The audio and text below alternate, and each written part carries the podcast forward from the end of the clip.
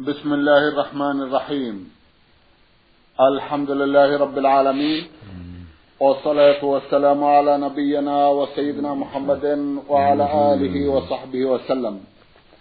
مستمعي الكرام السلام عليكم ورحمة الله وبركاته. وأسعد الله أوقاتكم بكل خير. هذه حلقة جديدة مع رسائلكم في برنامج نور على الدرب. رسائلكم في هذه الحلقة نعرضها على سماحة الشيخ عبد العزيز ابن عبد الله بن باز الرئيس العام لإدارات البحوث العلمية والإفتاء والدعوة والإرشاد. مع مطلع هذه الحلقة نرحب بسماحة الشيخ ونشكر له تفضله بإجابة الإخوة المستمعين فأهلا وسهلا بالشيخ عبد العزيز. حياكم الله وبارك فيكم. حياكم الله. أولى رسائل هذه الحلقة رسالة وصلت إلى البرنامج من مكة المكرمة وباعثتها إحدى الأخوات المستمعات تقول ها ألف ها. أختنا لها عدد من الأسئلة من بينها سؤال تقول فيه أنا فتاة صليت صلاة الفجر في جماعة في المسجد وأثناء قراءة الإمام السورة التي عقب الفاتحة كبر وسجد سجود التلاوة. وأنا لم أكن أعلم أنه سجد للتلاوة فركعت حتى النساء اللاتي بجواري ركعن ثم كبر الإمام وبدأ يكمل السورة ثم ركع فركعت معه مرة ثانية وبعض النساء سجدنا فما حكم تلك الصلاة بالنسبة لي؟ وبالنسبة للنساء أمثالي؟ جزاكم الله خيرا. بسم الله الرحمن الرحيم. الحمد لله وصلى الله وسلم على رسول الله وعلى آله وأصحابه ومن اهتدى بهداه. أما بعد فالحكم في هذا أن النساء اللاتي ركعن معه بعدما ركع صلاتهن صحيحة وركوعهن الأول صدر عن جهل فلا يضر صلاتهن. صحيحة صلاتهن صحيحة وركوعهن الأول الذي ركعنه وهو ساجد التلاوة لا يضر من أجل الجهل. أما اللاتي لم يركعن معه بل سجدن ثم استمرن في الصلاة ولم يركعن معه ولم يأتين بركعة بعد السلام فعليهن قضاء تلك الصلاة. عليهن قضاؤها الآن بالنية عن تلك الصلاة. لأنه لأنهن أخذن بركعة من الصلاة وطال الفصل فعليهن أن يأتين بالصلاة كاملة يقضينها كاملة. والله ولي التوفيق. جزاكم الله خيرا وأحسن إليكم عندما يصلي الإنسان ويمر من أمامه شخص آخر. هل تنقطع صلاة المصلي في غير الحرمين؟ هذا فيه تفصيل. إن كان مار بين يديه أو بينه وبين السترة امرأة أو حمار أو كلب أسود انقطعت صلاته بطلت صلاته. فرضا أو نفلا إذا كان المار بينه وبين السترة. إذا كان يصلي إلى جدار أو إلى كرسي أو إلى سترة أخرى ثم مر بينه وبينها حمار أو كلب أسود أو امرأة بطل الصلاة. لقوله صلى الله عليه وسلم يقطع صلاة المرء المسلم إذا لم يكن بين يديه مثل مخالة الرحم المرأة الحمار والكلب الأسود. وهكذا إذا مرت بين يديه قريبة منه المرأة أو الحمار أو الكلب الأسود. إذا كان ما عنده سترة ما له سترة إذا مرت المرأة أو مر الحمار أو الكلب الأسود بين يديه في حدود ثلاثة أذرع فأقل من قدمه فإنها تبطل صلاته. أما إن كان بعيدا إن كان مر بعيدا مر ثلاثة أذرع وليس هناك سترة فإن الصلاة صحيحة. أو كان المر وراء السترة من خلفها من جهة القبلة وراءها فالصلاة صحيحة والحمد لله. أما إن كان المار غير الثلاثة مر رجل أو كلب غير أسود أو شاة أو ما أشبه ذلك غير الثلاثة فالصلاة صحيحة.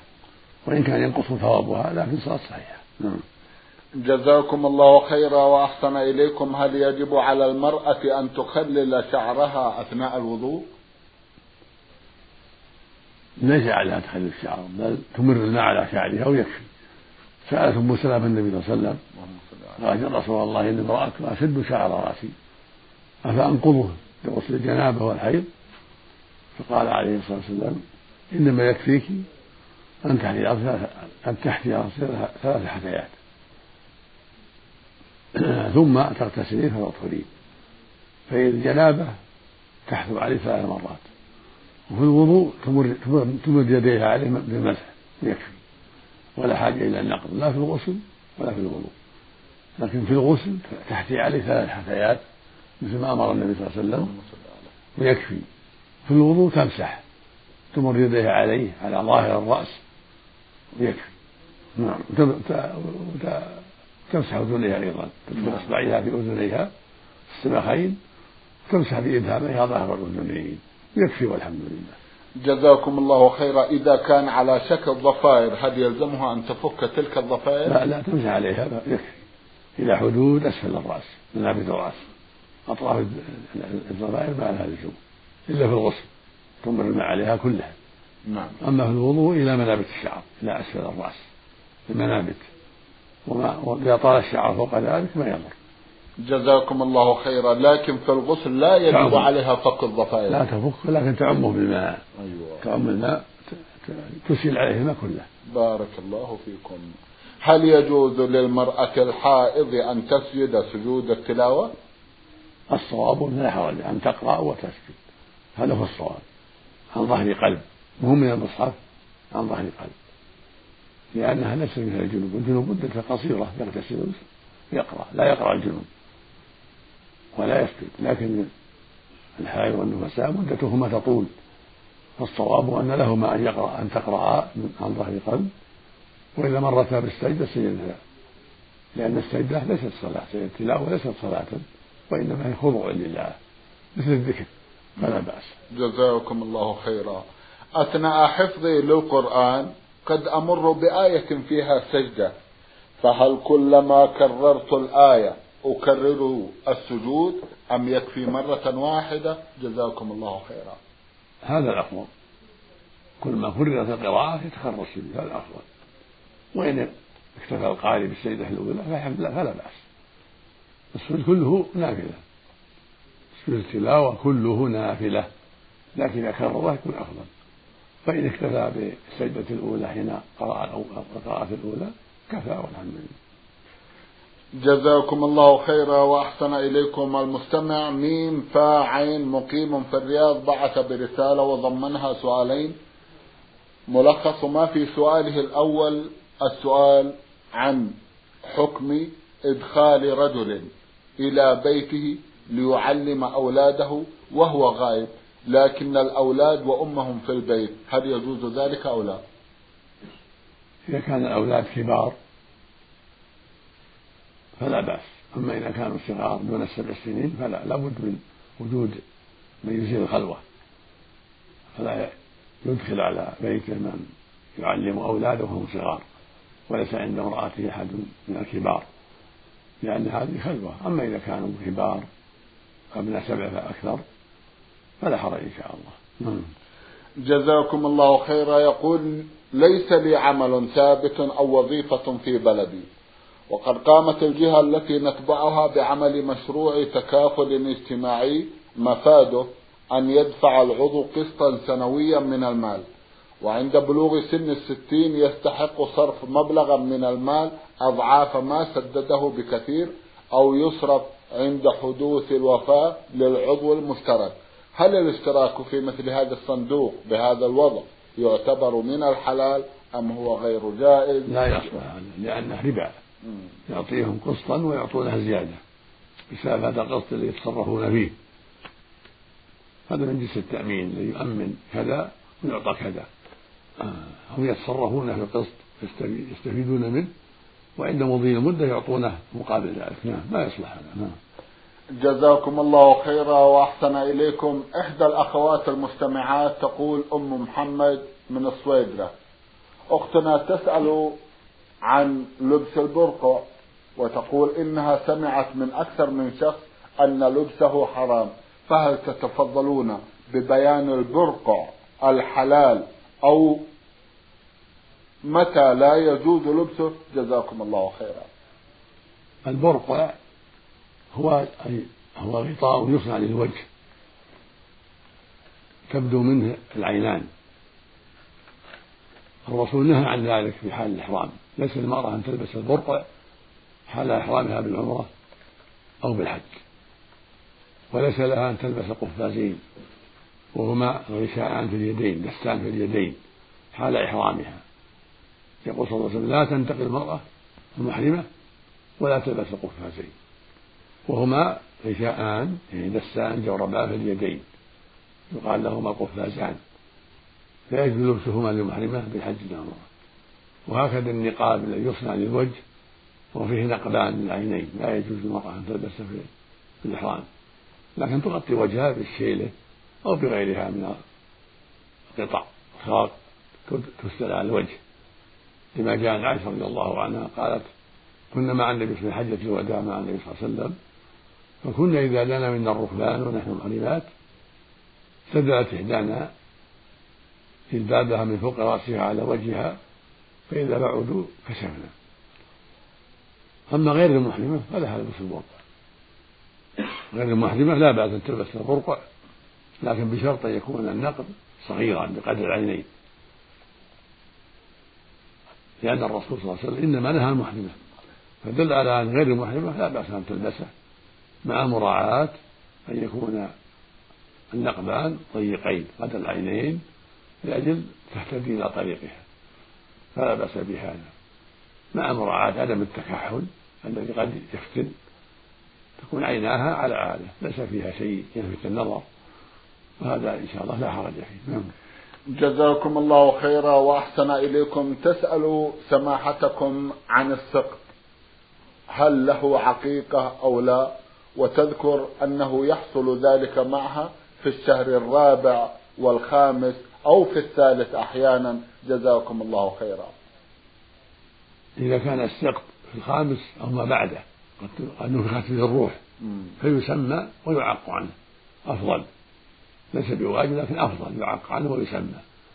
أما إن كان السقف الرابع وما قبله فليس له تسبيح ولا يسمى ولد ولا يصلى عليه يدفن في أي بقعة ولا يعق عنه. يعني ما بعد تم خلقه ولا نفخت فيه الروح فلا يكون فرطا. الفرط هو الذي يولد في الخامس فما, فما بعده. وبعد ذلك الروح فيه. نعم. فهذا يستحب أن يسمى وأن يعق عنه إذا كان ذكر.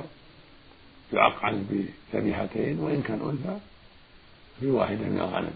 هذا هو السنة الثابتة عن النبي عليه الصلاة والسلام. نعم. جزاكم الله خيرا وأحسن إليكم رسالة بعث بها مستمع رمز إلى اسمه بالحروف با جيم عين يقول عندي مبلغ من المال. وهذا المبلغ هو زكاة أموالي إلا أنني بعيد عن وطني وأعرف أن هناك أناسا من أقربائي هم في أمس الحاجة فهل لي أن أرسلها لهم نقود أو ملابس أو بماذا توجهونني؟ جزاكم الله خيرا. عندي مبلغ من المال نعم. وهذا المبلغ هو زكاة أموالي وأنا بعيد عن وطني. وأعرف أناسا من أقربائي هم في أمس الحاجة إلى الزكاة.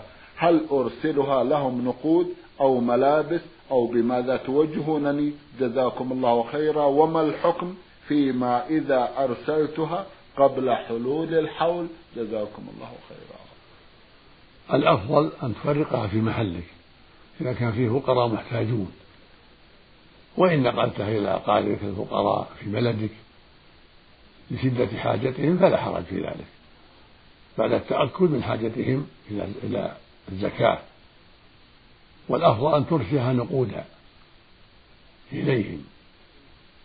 فإن كانت الحاجة ماسة إلى أن ترسلها ملابس أو طعام مواصلة الثقات لأنهم نساء أو أيتام يخشى أن يتلاعبوا بالنقود فلا بأس. ولكن الأفضل إرسال النقود وصلة الثقة حتى يسلمها لهم نقودا إذا كانوا أهلا لذلك. أما إذا كانوا أيتام فيسلم بيد وكيل الأيتام. وإن كانوا نساء مرشدات فالزكاة تسلم بأيديهن. فإن كن غير مرشدات فبيد الوكيل الوكيل لهن.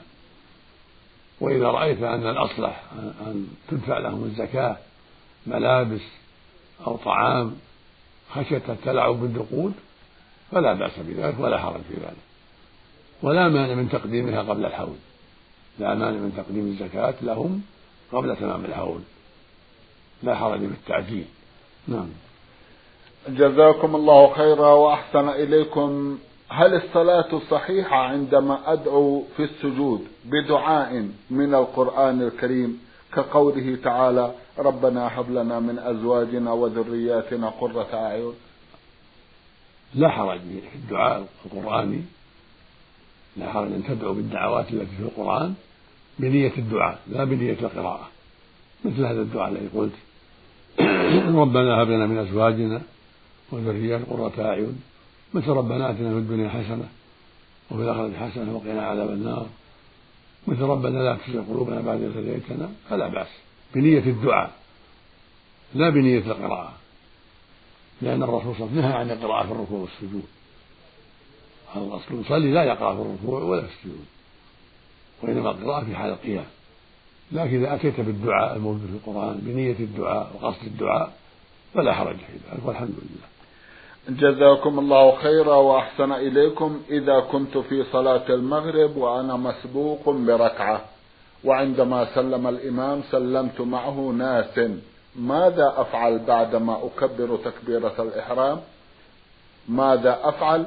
وذلك أنه بعدما كبر تكبيرة الإحرام وأتى بالركعة الثالثة هل أسجد بعد السلام أم قبله؟ جزاكم الله خيرا. إذا كان فاتك ركعة إذا سلم إمامك تقوم تأتي بالركعة لا تسلم معه وإذا سلمت معه ناسيا فلا حرج. تقوم وتكمل صلاتك ثم تسجد للسهو إذا بعد السلام أفضل. تسجد للسهو بعدما تسلم تسجد سجدتين للسهو لأن سلامك مع إمامك سهو لا يضر ولا يجوز لك أن تعمد ذلك. إذا تعمدت ذلك وأنت تعلم الحكم الشرعي بطلت الصلاة. لكن إذا كنت جاهلا أو ناسيا ثم تنبهت تكمل الصلاة ثم تجلس السهو بعد السلام أفضل سجدتين من أجل سلامك مع الإمام ناسيا. وإن سجدت للسهو قبل السلام قبل سلامك إذا قضيت ما عليك فلا حرج في ذلك لكن الأفضل في مثل هذا أن يكون السجود للسهو بعد السلام. جزاكم الله خيرا وأحسن إليكم رسالة من إحدى الأخوات المستمعات تقول أم عبد العزيز وعلي لها جمع من الأسئلة تقول في أحدها توفي جدي لأبي وعليه صيام من رمضان وقمت أنا وأبي بالصيام عنه أنا ثمان وأبي ثمان فهل يصح ذلك؟ جزاكم الله خيرا. مشكور جزاكم الله خير. طيب. يقول النبي صلى الله عليه وسلم مات وعليه صيام صام عنه وليه يعني قريبه فإذا قضيت أنت والأب ما على الميت جزاكم الله خير. هذا عمل مشهور ومأجور ينفع الميت. نعم. جزاكم الله خيرا. هل كشف الشعر أمام الإخوة والأخوال والأعمام حرام؟ لا حرج في ذلك. كنا نرى شعر الرأس الأخ أو العم أو الأب أو الابن لا حرج. لكن التستر والحشمة يكون أفضل. كونها تغطي رأسها عند محارمها يكون هذا أحوط وأفضل ولا سيما في هذا العصر. عصر ضعف الإيمان قلة الوازع. فالمقصود أن وجودها بينهم مسكورة الشعر والبدن مع الوجه والكفين يكون هذا أبعد عن الفتنة وأسلم. ولكن لو رأوا رأسها أو صدرها أو ساقها لا حرج. لا حرج في ذلك لأنهم محارم. كالنساء. إذا رأت المرأة من أختها بالله صدرها أو رأسها أو ساقها لا بأس. لكن كونها تتحشم عند محارمها ولا سيما الأخوال والأعمام والإخوة فإنهم أشد خطر. والتحشم عندهم كون الملابس كاملة إلا الوجه والكفين يكون هذا أحوط وأكمل وأبعد عن الخطأ. جزاكم الله خيرا وأحسن إليكم إنه يصعب علي قراءة القرآن ولا أعرف أقرأ بعض الكلمات. هل علي حرج في ذلك؟ وهل تلزمني قراءة القرآن؟ المشروع لك أن تقرأي وتجتهدي ولا تعجلي حتى تعرفي على الكلمات التي تشكل عليك. يقول النبي صلى الله عليه وسلم في الحديث الصحيح الماهر بالقرآن مع السفرة الكرام البررة والذي يقرأ القرآن وهو عليه شاق ويتتعتع فيه له أجران. فأنت احتسبي واصبري ولا تعجلي تأملي كلمة حتى تعرفيها. وإذا تيسر أن تقرأي على أخيك أو أبيك أو إحدى أخواتك حتى تتعلمي وتستفيدي هذا طيب. المقصود المشروع لك أن تقرأي وأن تجتهدي حتى تحسن قراءتك وحتى يزول عنك بعض التوقف وإذا تيسر لك القراءة على من هو خير منك وأعلم منك من المحارم أو بعض النساء هذا طيب. جزاكم الله خيرا وأحسن إليكم. هل يجوز أن أقابل أعمام أمي؟ أو لا يجوز ذلك؟ جزاكم الله خيرا. أعمام أمك أعمام لك وهكذا أخوالها أخوالك. عمك عم أبيك. وعم أبيك عم المقصود عم أبيك وعم أمك عم لك.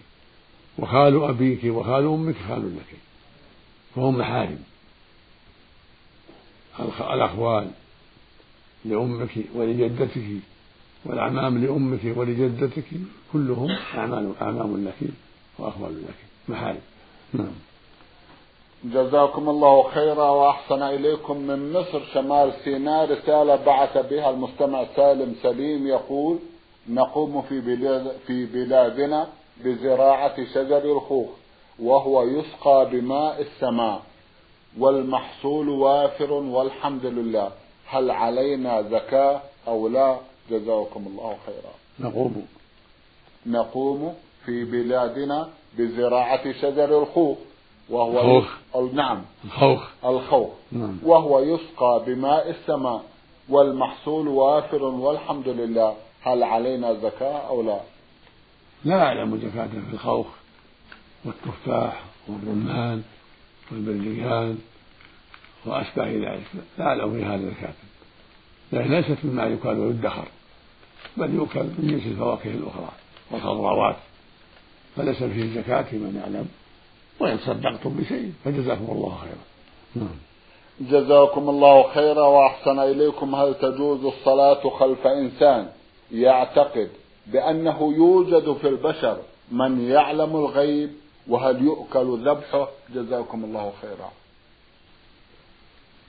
من يعتقد أنه يوجد في الدنيا من يعلم الغيب هذا كافر. لا يتكل لا تكل ذبيحته ولا يصلى خلفه. ولا يجوز أن يكون إماما. فإن الغيب لا يعلمون ليس في الدنيا من يعلم الغيب أحد. لا يعلم الغيب إلا الله. قال الله سبحانه قل لا يعلم من في السماوات والأرض الغيب إلا الله. فعلم الغيب إليه سبحانه وتعالى. فلا يعلمه الأنبياء ولا غيرهم. فالذي يعتقد أنه يوجد في الدنيا من يعلم الغيب من جن أو إنس فهو كاذب وكافر نسأل الله العافية. وعليه أن يتوب إلى الله جل وعلا. نعم. جزاكم الله خيرا وأحسن إليكم من السائل سين عين سين عين رسالة وضمنها جمعا من الأسئلة في أحدها يقول ما مدى صحة هذا الحديث؟ قال الرسول صلى الله عليه وسلم من صلى علي في يوم ألف مرة لم يمت حتى يبشر بالجنة. لا أعلم له أصلا. لا أعلم له أصلا. الحديث لكن الصلاة على النبي مشروعة. يرجى لصاحبها الخير العظيم. ولو ولو أقل من أقل من ألف مرة. ولو عشر مرات ولو مرة واحدة. يقول النبي صلى الله عليه وسلم من صلى علي واحدة صلى الله عليه بها عشرة فالمشروع لكل مسلم وكل مسلمة الإكثار من الصلاة والسلام على النبي صلى الله عليه وسلم في كل وقت. أما ذكر ألف مرة بهذا الوقت بهذا اللفظ هذا لا أصل فيما نعلم لكن يشرع للمسلم والمسلمة الصلاة على النبي صلى الله عليه وسلم في كل وقت الليل والنهار ولا سيما في يوم الجمعة. يشرع الإكثار من الصلاة عليه والسلام في يوم الجمعة. لأن الرسول صلى الله عليه وسلم قال إن خير أيامكم يوم الجمعة فأكثر إلى من الصلاة فيها. فإن صلاتكم معروف علي. قالوا يا رسول الله كيف تعرض عليه وقد أرمتني بليد قال إن الله قد حرم على أن تأكل أجساد الأنبياء. فالمقصود أن أن الصلاة عليه مشروعة في كل وقت عليه الصلاة والسلام. ولا سيما عند ذكره إذا مر ذكره يصلى عليه. وفي يوم الجمعة ينبغي الإكثار من الصلاة عليه والسلام. وبعد الأذان والإقامة يجيب المؤذن والمقيم ثم بعد ما ينتهي ويقول لا إله إلا الله يصلي على النبي صلى الله عليه وسلم. ثم يقول اللهم رب هذه الدعوة التامة والصلاة القائمة آت محمدا الوسيلة والفضيلة وبعثه مقاما محمودا وعدته إنك لا تخلف الميعاد. هذه سنة. يقول النبي صلى الله عليه وسلم من قال حين يسمع النداء اللهم رب هذه الدعوة التامة والصلاة القائمة آت محمدا الوسيلة والفضيلة وابعثه مقاما محمودا الذي وعدته حلت له شفاعتي يوم القيامة. فضل عظيم وقال عليه الصلاة والسلام إذا سمعتم مؤذن إذا سمعتم المؤذن فقولوا مثل ما يقول ثم صلوا علي فإنه من صلى علي صلاة واحدة صلى الله عليه بها عشرا ثم سلوا الله الوسيلة فإنها منزلة في الجنة. لا تنبغي إلى العبد من عباد الله وأرجو أن أكون أنا هو. فمن سأل لي وسيلة فمن سأل لي الوسيلة حلت له الشفاعة. وهذا فضل عظيم يشرع للمؤمن والمؤمنة الاتيان بهذه العبادة بعد الأداء والإقامة. نعم. جزاكم الله خيرا وأحسن إليكم. يقول الرسول صلى الله عليه وسلم إن لله تسعة وتسعين اسما لا يحفظها أحد إلا دخل الجنة أو كما قال صلى الله عليه وسلم. هل كل من حفظ أسماء الله يضمن دخوله الجنة؟ جزاكم الله خيرا. هذا من أحاديث الوعد من أحاديث الفضائل مثل غيرها من أحاديث الفضائل. يقول صلى الله عليه وسلم من إن لله تسعة وتسعين أسماء مئة إلا واحدة. من أحصاها دخل الجنة. وفي اللفظ الآخر من حفظها دخل الجنة. متفق على صحته. هذا في حث على العناية بأسماء الله تدبرها حفظها وإحصاها حتى يستفيد من هذه المعاني العظيمة وحتى يكون هذا من أسباب خشوعه لله وطاعته له وقيامه بحقه سبحانه وتعالى.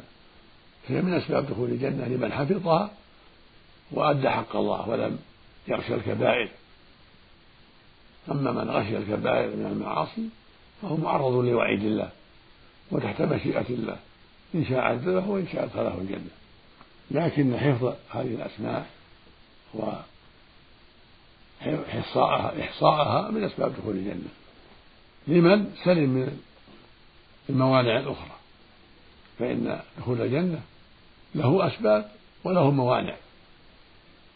كالإقامة على المعاصي من أسباب حرمان دخول الجنة مع أول من دخلها مع الداخلين. أولا قد يعذب.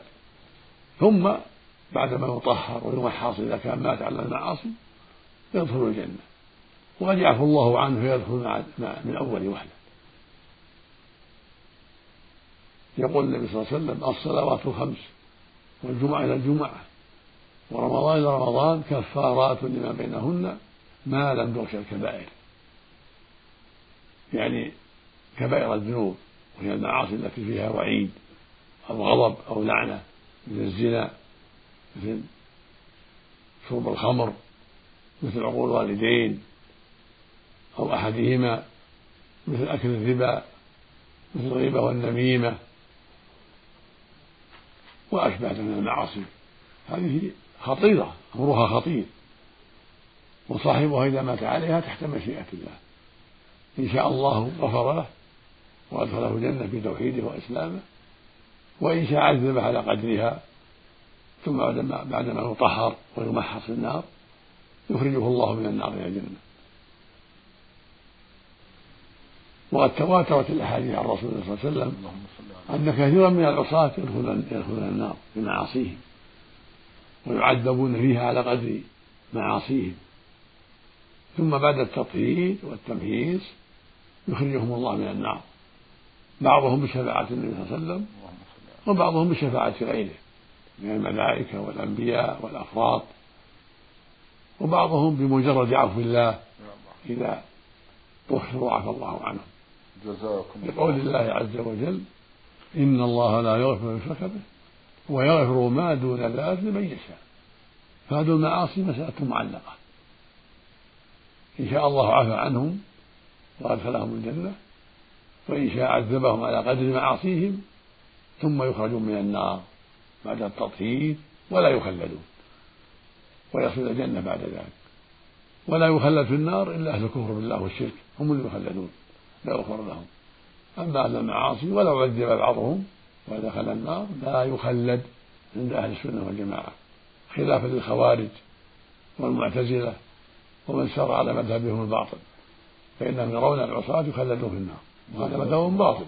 أما أهل السنة والجماعة فيقولون العصاة تحت المشيئة.